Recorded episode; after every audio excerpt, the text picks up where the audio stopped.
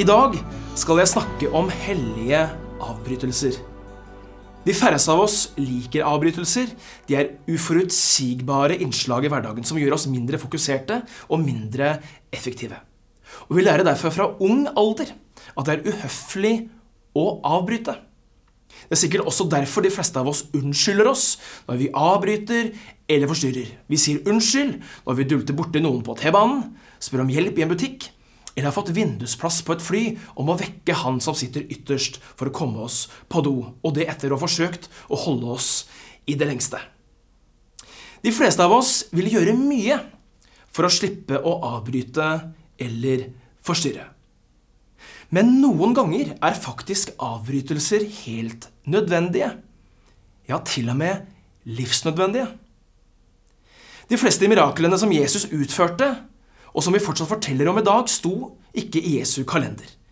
De var ikke planlagt, men de skjedde mens Jesus holdt på med noe annet. Avbrytelsene i Jesu liv var mange. Så mange at han til tider hadde behov for å rømme unna folkemengden enten på et øde sted eller i en båt midt på Genesaretsjøen. Men uansett hvor Jesus dro, så var det noen som klarte å avbryte freden. Og en gang Jesus lå og sov i en båt, så ble han vekket av disiplene sine fordi de var redde for bølgene. En annen gang var han på middagsbesøk hos en høytstående fariseer. Og Da klarte en prostituert kvinne å komme seg forbi vaktene og inn til Jesus for å salve føttene hans. En gang kom det en mann til Jesus midt på natten for å spørre hvordan han kunne få evig liv. Og støtt og stadig så ble han forfulgt av skriftlærde, som avbrøt han med vanskelige spørsmål. Men alle disse avbrytelsene det var ikke hindringer i Jesu tjeneste. Nei, de var selve tjenesten. Og I dag skal vi se på tre historier fra Bibelen der Jesus blir avbrutt av tilfeldige mennesker på tre ulike måter. I Markus kapittel 5 så leser vi om kvinnen som grep tak i Jesus. Jesus er på vei for å helbrede synagogeforstanderen Jairus sin unge datter. Hun var døende, og Jesus og disiplene hans forsøker å pløye seg gjennom en stor folkemengde for å nå fram til huset før det er for sent. Men midt i folkemengden befinner det seg en kvinne som ikke vil la Jesus passere uforstyrret. Det står Det var en kvinne der som hadde hatt blødninger i tolv år. Hun hadde lidd mye hos mange leger. Alt hun eide, hadde hun brukt uten å bli hjulpet. Det var heller blitt verre med henne.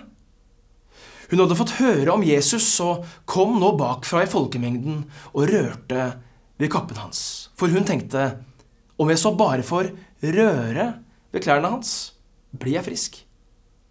Med en gang stanset blødningen, og hun kjente på kroppen at hun var blitt helbredet for plagen.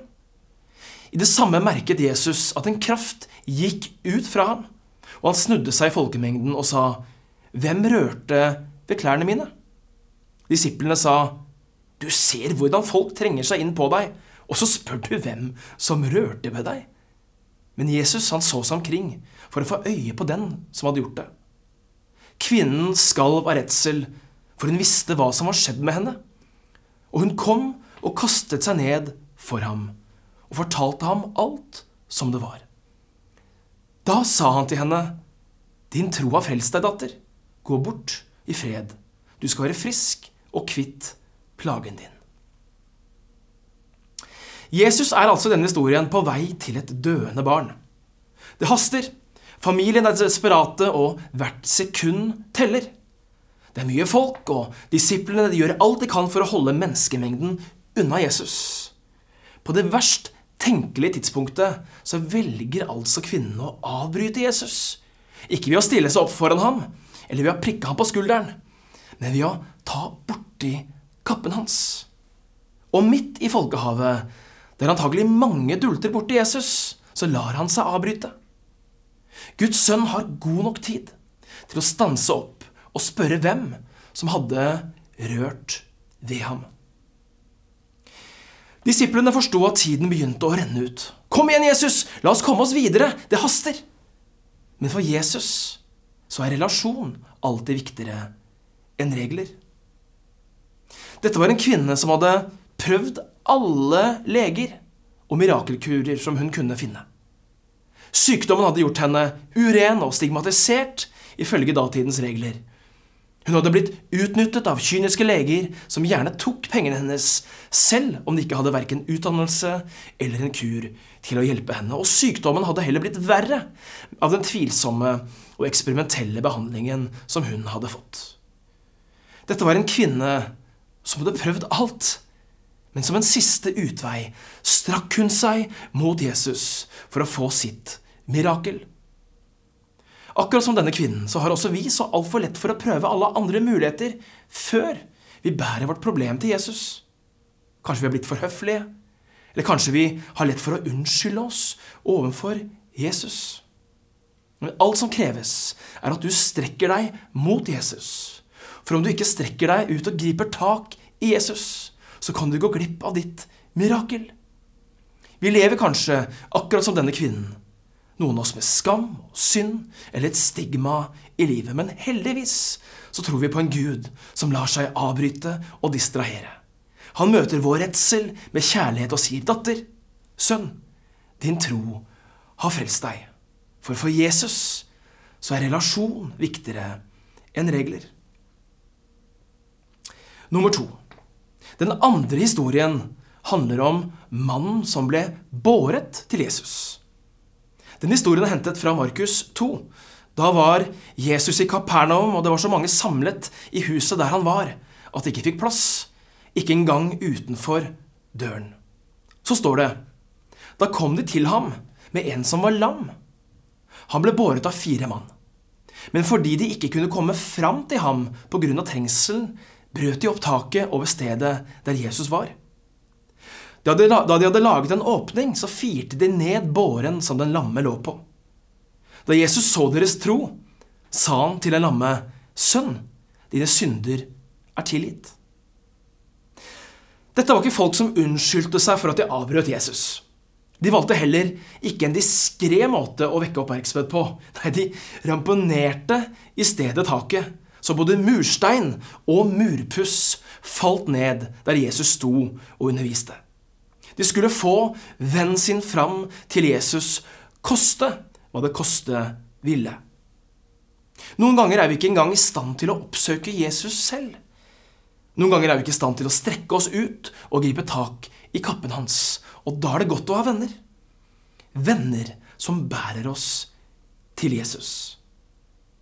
De gangene jeg har jobbet med min troshistorie, så har jeg sett klart at jeg aldri hadde vært der jeg er i dag uten andre menneskers hjelp. Når Gud har talt til meg eller ledet meg, så har han som oftest brukt andre mennesker, og selv troen min kan jeg ikke ta æren for selv. For jeg ble båret til Jesus av foreldre og mennesker i min nærhet som visste hvor han var å finne. Noen ganger kan vi bli paralysert av livet, og da trenger vi venner som tør det vi ikke selv tør, og som tror det vi ikke selv klarer å tro. Venner som vil avbryte Jesus på våre vegne. Det er derfor vi trenger det kristne fellesskapet. For det består nettopp av mennesker som tror for oss, strekker seg for oss og går til Jesus for oss. Mennesker som vil bære våre byrder og bryte gjennom hindringer, om så måtte være. Så omgi deg med mennesker som du kan kontakte når du har blitt paralysert i livet, og som vil senke deg ned foran Jesu føtter når du ikke klarer å gå dit selv. Og Jesus vil si, sønn, datter, dine synder er tilgitt. For Jesus er relasjon viktigere enn regler. Den siste historien handler om den blinde som roper etter Jesus. Dette skjedde da Jesus hadde vært i Jeriko og ble fulgt av en stor folkemengde ut av byen. Utenfor byen så satt en blind mann og tigget. Han het Bartimeus, og så står det i Markus 19. Da han, altså Bartimeus, hørte at det var Jesus fra Nasaret som kom, satte han i å rope, 'Jesus, du Davids sønn, miskunn deg over meg!' Mange skjønte på ham og ba ham tie, men han ropte bare enda høyere, 'Du Davids sønn, miskunn deg over meg!' Da stanset Jesus og sa, 'Be ham komme hit.' De ropte på den blinde og sa til ham, Vær ved godt mot. Reis deg. Han kaller på deg. Mannen han kastet kappen av seg og sprang opp og kom til Jesus. Hva vil du at jeg skal gjøre for deg? spurte Jesus. Den blinde svarte, Rabuni, la meg få synet. Da sa Jesus til ham, Gå du, din tro har frelst deg. Straks kunne han se, og han fulgte Jesus på veien. Bartimeus var vant til å bli ignorert og forbigått daglig. Men nå hører han at Jesus er i nærheten. Og hva annet kunne han gjøre enn å rope? Han kunne jo ikke se Jesus, han kunne jo ikke gå for å oppsøke han, men han trengte at Jesus fant ham. Kristen tro handler ikke først og fremst om at vi har funnet Gud, men at Gud har funnet oss. I Isaiah kapittel 33 står det Rop på meg, så vil jeg svare deg og fortelle deg store, ufattelige ting som du ikke kjenner til. Hele livet så hadde Bartimeus sittet på veien som en tigger. Han hadde alltid vært den som hadde bedt andre om det han trengte. Men nå sto han foran en mester som spurte om hva han trengte. For en opplevelse! Han som alltid hadde blitt tråkket ned og feiet bort. Nå opplevde han for første gang i livet at noen kom for å tjene ham. Noen ganger så er våre bønner uten ord. Og vi verken vet eller forstår hva vi kan be om. Men da kan vi rope til Jesus i vår nød. Og selv om vi ikke alltid kan se Gud, så ser Han oss og hører når vi roper for Jesus. Så er relasjonen viktigere enn regler. Til slutt. Det fortelles en historie om den store kunstneren Leonardo da Vinci, som var i ferd med å fullføre et av sine kunstverk, da han plutselig ble avbrutt av at det banket på døren. Han la med penselen og åpnet opp, og der sto en nabo som hadde problemer med vannforsyningen til huset sitt. Nå lurte han på om Leonardo, mesteren som visste noe om det meste, kunne hjelpe ham. Og mesteren han forlot kunstverket sitt, han plukket opp verktøyet sitt og gikk for å hjelpe sin nabo. Antagelig så ble vannproblemet løst den dagen, men Leonardos kunstverk ble aldri fullført. Det er så mye som vil hindre oss fra å avbryte Jesus. Det er så mye som dytter oss bort, setter opp hindre eller hysjer oss ned. Men i dag vil jeg si til deg som ser på, vær aldri redd for å forstyrre mesteren. For det er ikke noe han heller vil enn å legge alt ned, endre planene og spørre deg hva vil du at jeg skal gjøre for deg? Strekk deg mot ham, la andre bære deg til ham, rop til ham. Du er hans sønn, du er hans datter. Og du har dermed tillatelse til å avbryte, bryte inn og forstyrre så mye du vil. For hva hadde vel skjedd hvis ikke kvinnen tok sjansen og rørte ved Jesus den dagen? Hva hadde skjedd hvis vennene ikke bar sin lamme venn til Jesus og senket ham ned foran Jesu føtter? Og hva hadde skjedd dersom den blinde Bartimeus ikke hadde ropt på Jesus? Antagelig så hadde Jesus gått videre uten at de hadde fått sitt mirakel. Og tenk hva som kan skje når du strekker deg mot Jesus i tro på at han ønsker å møte deg i din utfordring. Tenk hva som kan skje når du bærer noen andre fram for Jesus. Noen som ikke ville kommet dit på egen hånd. Og tenk hva som kan skje når du i ditt mørke og i din håpløshet løfter stemmen og roper om hjelp. Hellige avbrytelser kan forvandle våre liv for alltid. For vår Gud, han er en Gud som lar seg avbryte. Gud velsigne deg.